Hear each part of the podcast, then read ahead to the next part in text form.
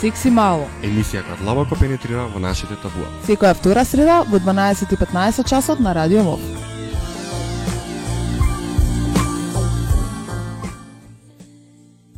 Уште една среда со Секси Мало.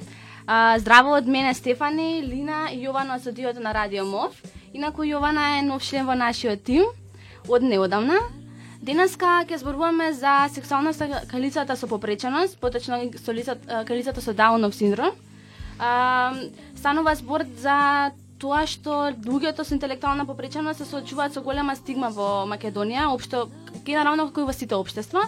Постојат само неколку дневни центри за овие лица, така што многу од нив неголемиот дел од своето време го поминуваат дома со своето семејство.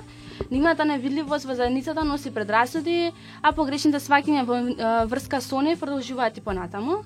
А, токму затоа ние користиме како тимот а, тимот на Секси Мало и делот Хера, ја користиме оваа прилика нашата денешна емисија да посветиме токму на нив, на лицата со интелектуална попреченост, а бидејќи со така и месец октомври е месец кој е посветен на Даунов синдром. Во следниот половина час ќе зборуваме за сексуалноста и правата на овие лица. А предлагам во ведниот блок да го завршиме со малку музика, а потоа ќе продолжиме со повеќе од она што го имаме спремено за вас.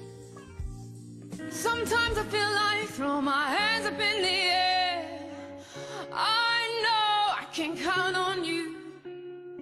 Sometimes I feel like saying, Lord, I just don't care. But you've got the love I need to see me through. Sometimes it seems the going is just too rough.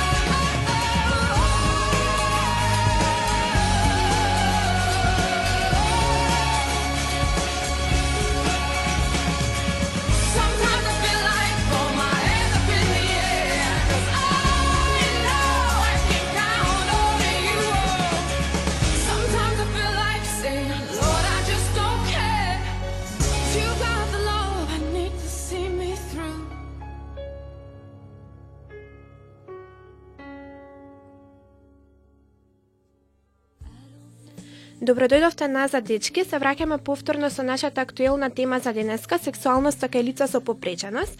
Сите знаеме дека Македонија е земја каде едукацијата за сексуално и репродуктивно здравје и права е ограничена за сите граѓани, особено за млади луѓе кои не посетуваат редовни училишта.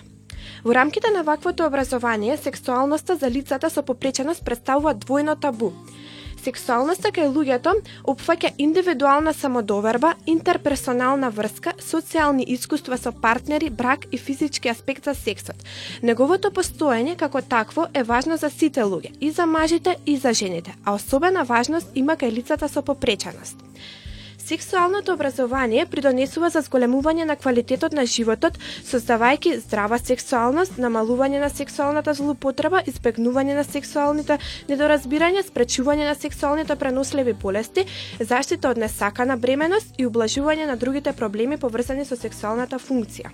Лина тука малку би те прекинала, би искористила приликава исто така да споменам да го споменаме и факта дека овие лица, односно лицата со попреченост, се три пати поголеми жртви за сексуална злоупотреба и дека најчесто а, таа злоупотреба они не ја пријавуваат. А, покрај тоа голем дел од здравствените институции и ординации се уште не се пристапни за овие лица и технички не се подготвени за работа со нив. Поради недостигот на информациите на а, а, Поради недостиг на информациите кои што во нашиот образовен процес, кои што се присутни во нашиот образовен процес, а, и не ни се дост, достапни, може би секој од нас се прашува како изгледа пубертетот кај овие лица или пак во што се разликуваат они од нас. А, затоа продолжуваме со неколку нај, а, неколку најчести прашања кои што се поврзани во врска со сексуалноста кај лицата со попреченост. А, Јована повели? Здраво и од мене и еве да ги видиме некои од тие прашања кои што веројатно доста од луѓето ги прашуваат за, за овие лица. Дали лицата со даун имаат сексуални чувства? Па, веројатно ова прашање најдобриот одговор би бил дека порано не се верувало, сепак лицата со даун имаат сексуални чувства и интимни потреби. Важно е за нив тие да ги израдат овие чувства, а моментално да бидат и социјално прифатени. Дали лицата со даун физички се развиваат исто како и нивните врсници во општеството? Еве јас го дадам одговорот на ова прашање. А, децата со даун да доживуваат исти физички и хормонални промени како и нивните врсници кои го немаат овој синдром. А, често има застој во развојот на социјалната зрелост, емотивната самоконтрола, социјалната комуникација, но и тие се надминуваат. Дали децата со даун доживуваат емоционална пресврт карактеристична за адолесценцијата? Јас би одговорила на ова прашање. Емотивната промена карактеристична за периодот на адолесценција се исто така присутни во претинеџерските и тинеџерските години кај лицата со Даун, кои може да се засилени од страна на социјалните фактори. Било кој адолесцент кој живее во заедница, оди на училиште или е изложен на информација од страна на медиум, медиумите, неиз, неизбежно јавува секс или потреба за сексуалност, лицата со Даун секако изразуваат интерес за партнери, брак и родителство. Тие доживуваат типична промена како и кај нивните врсници. Добро, а како вид на сексуално образование е соодветно за лица со даун? Ова не е многу актуелна тема, бидејќи кај, и кај децата со без даунов синдром не е потребно сексуално образование, тука малку поголемо внимание треба да се обрне. За да биде ефективно образованието, мора да биде индивидуализирано и разбирливо, односно да се фокусира не само на физичката репродуктивност, туку и, туку и кон донесувањето на одлуките, културните норми, односите, социјалните вештини и можности. Идеалната програма ќе допридонесе лицето со Даунов синдром да го разбере своето тело, своите емоции, однесувањето и односите во рамките на нивната социјална и културна средина, информации за сексуални односи и родителство. Дали жените со даун имаат некои посебни потреби или проблеми во врска со раѓањето? Па, на пример, вака, околу 50% од жените со даун, со даун се плодни и може да користат било кој начин на контрацепција без никаков медицински ризик. Изборот на метод кој тие ќе го одберат зависи од нивен личен избор. Контрола на раѓањето преку хируршки зафат исто така може да се врши кај жените со даун кои се во стабилна здравствена состојба. Дали пак девојчињата со даун имаат нормален менструален циклус?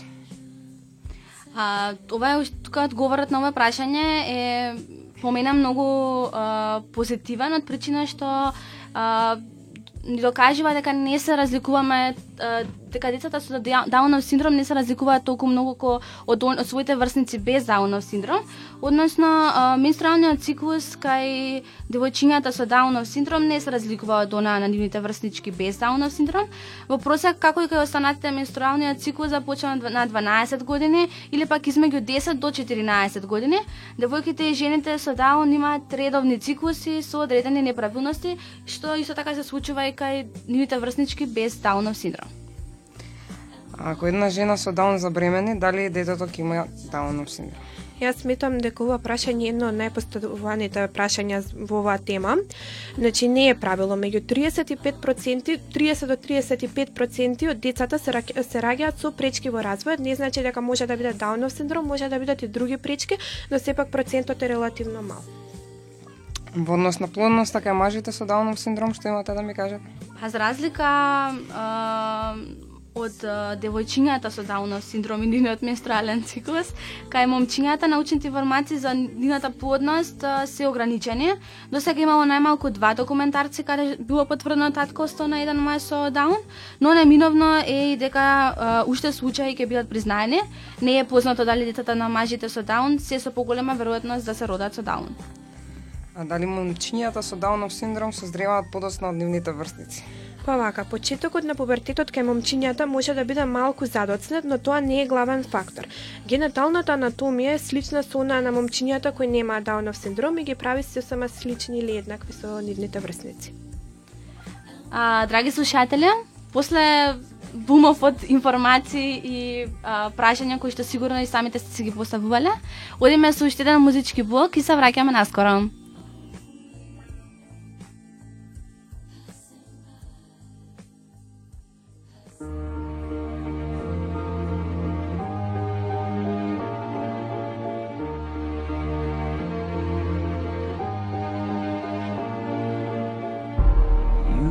All the boys know Makes you feel good, yeah.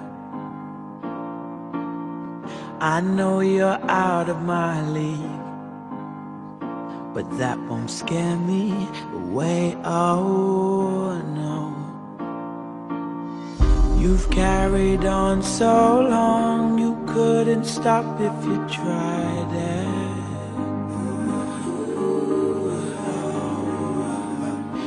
Built your wall so high that no one could climb it. But I'm gonna try. Would you let me see beneath your beautiful? Would you let me see beneath your puppet? Take it off now, girl. Take it off now, girl. I wanna see inside. Would you let? See beneath your beautiful tonight.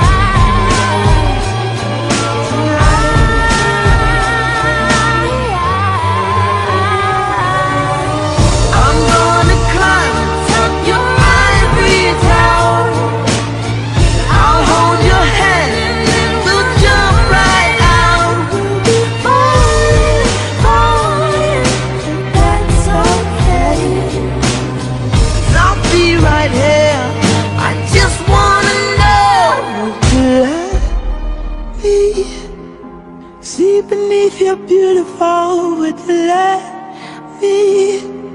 See beneath your perfect. Take it off now, girl. Take it off now, girl. Cause I wanna see inside. Would you let me?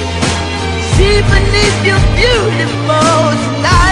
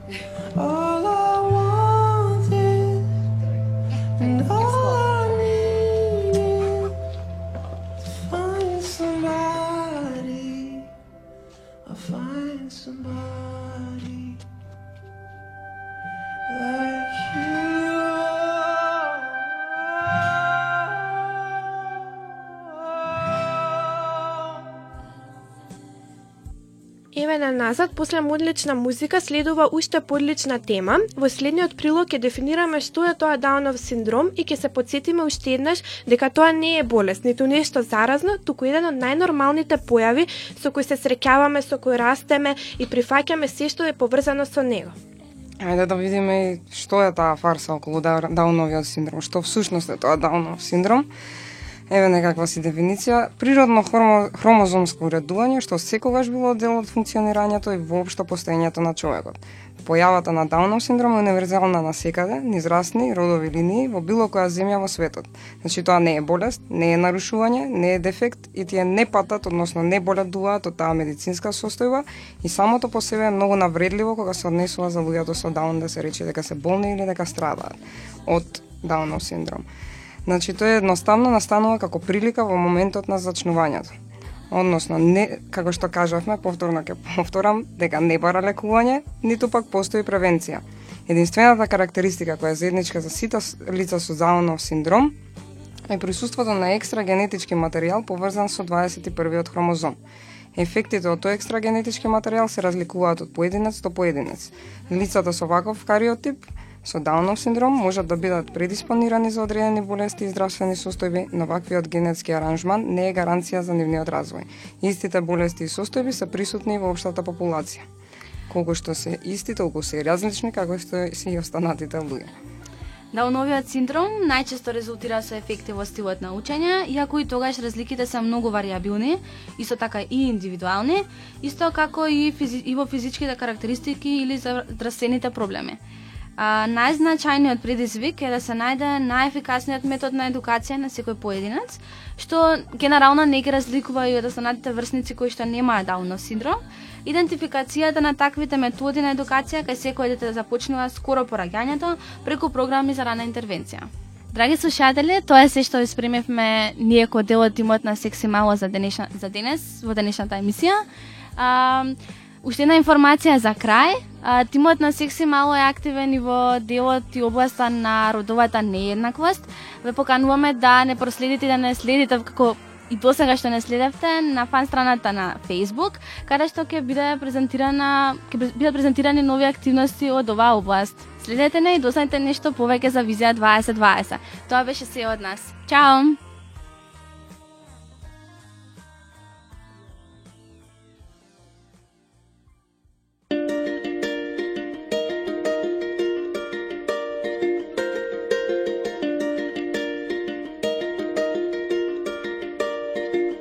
Take all of your wasted honor. Every little past frustration. Take all of your so-called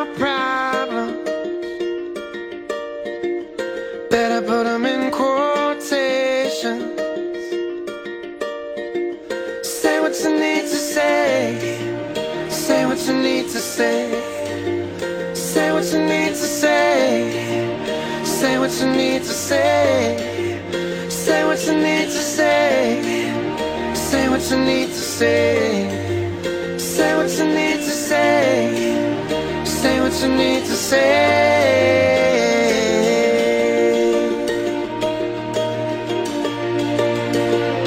Walking like a one-man army. Fighting with the shadows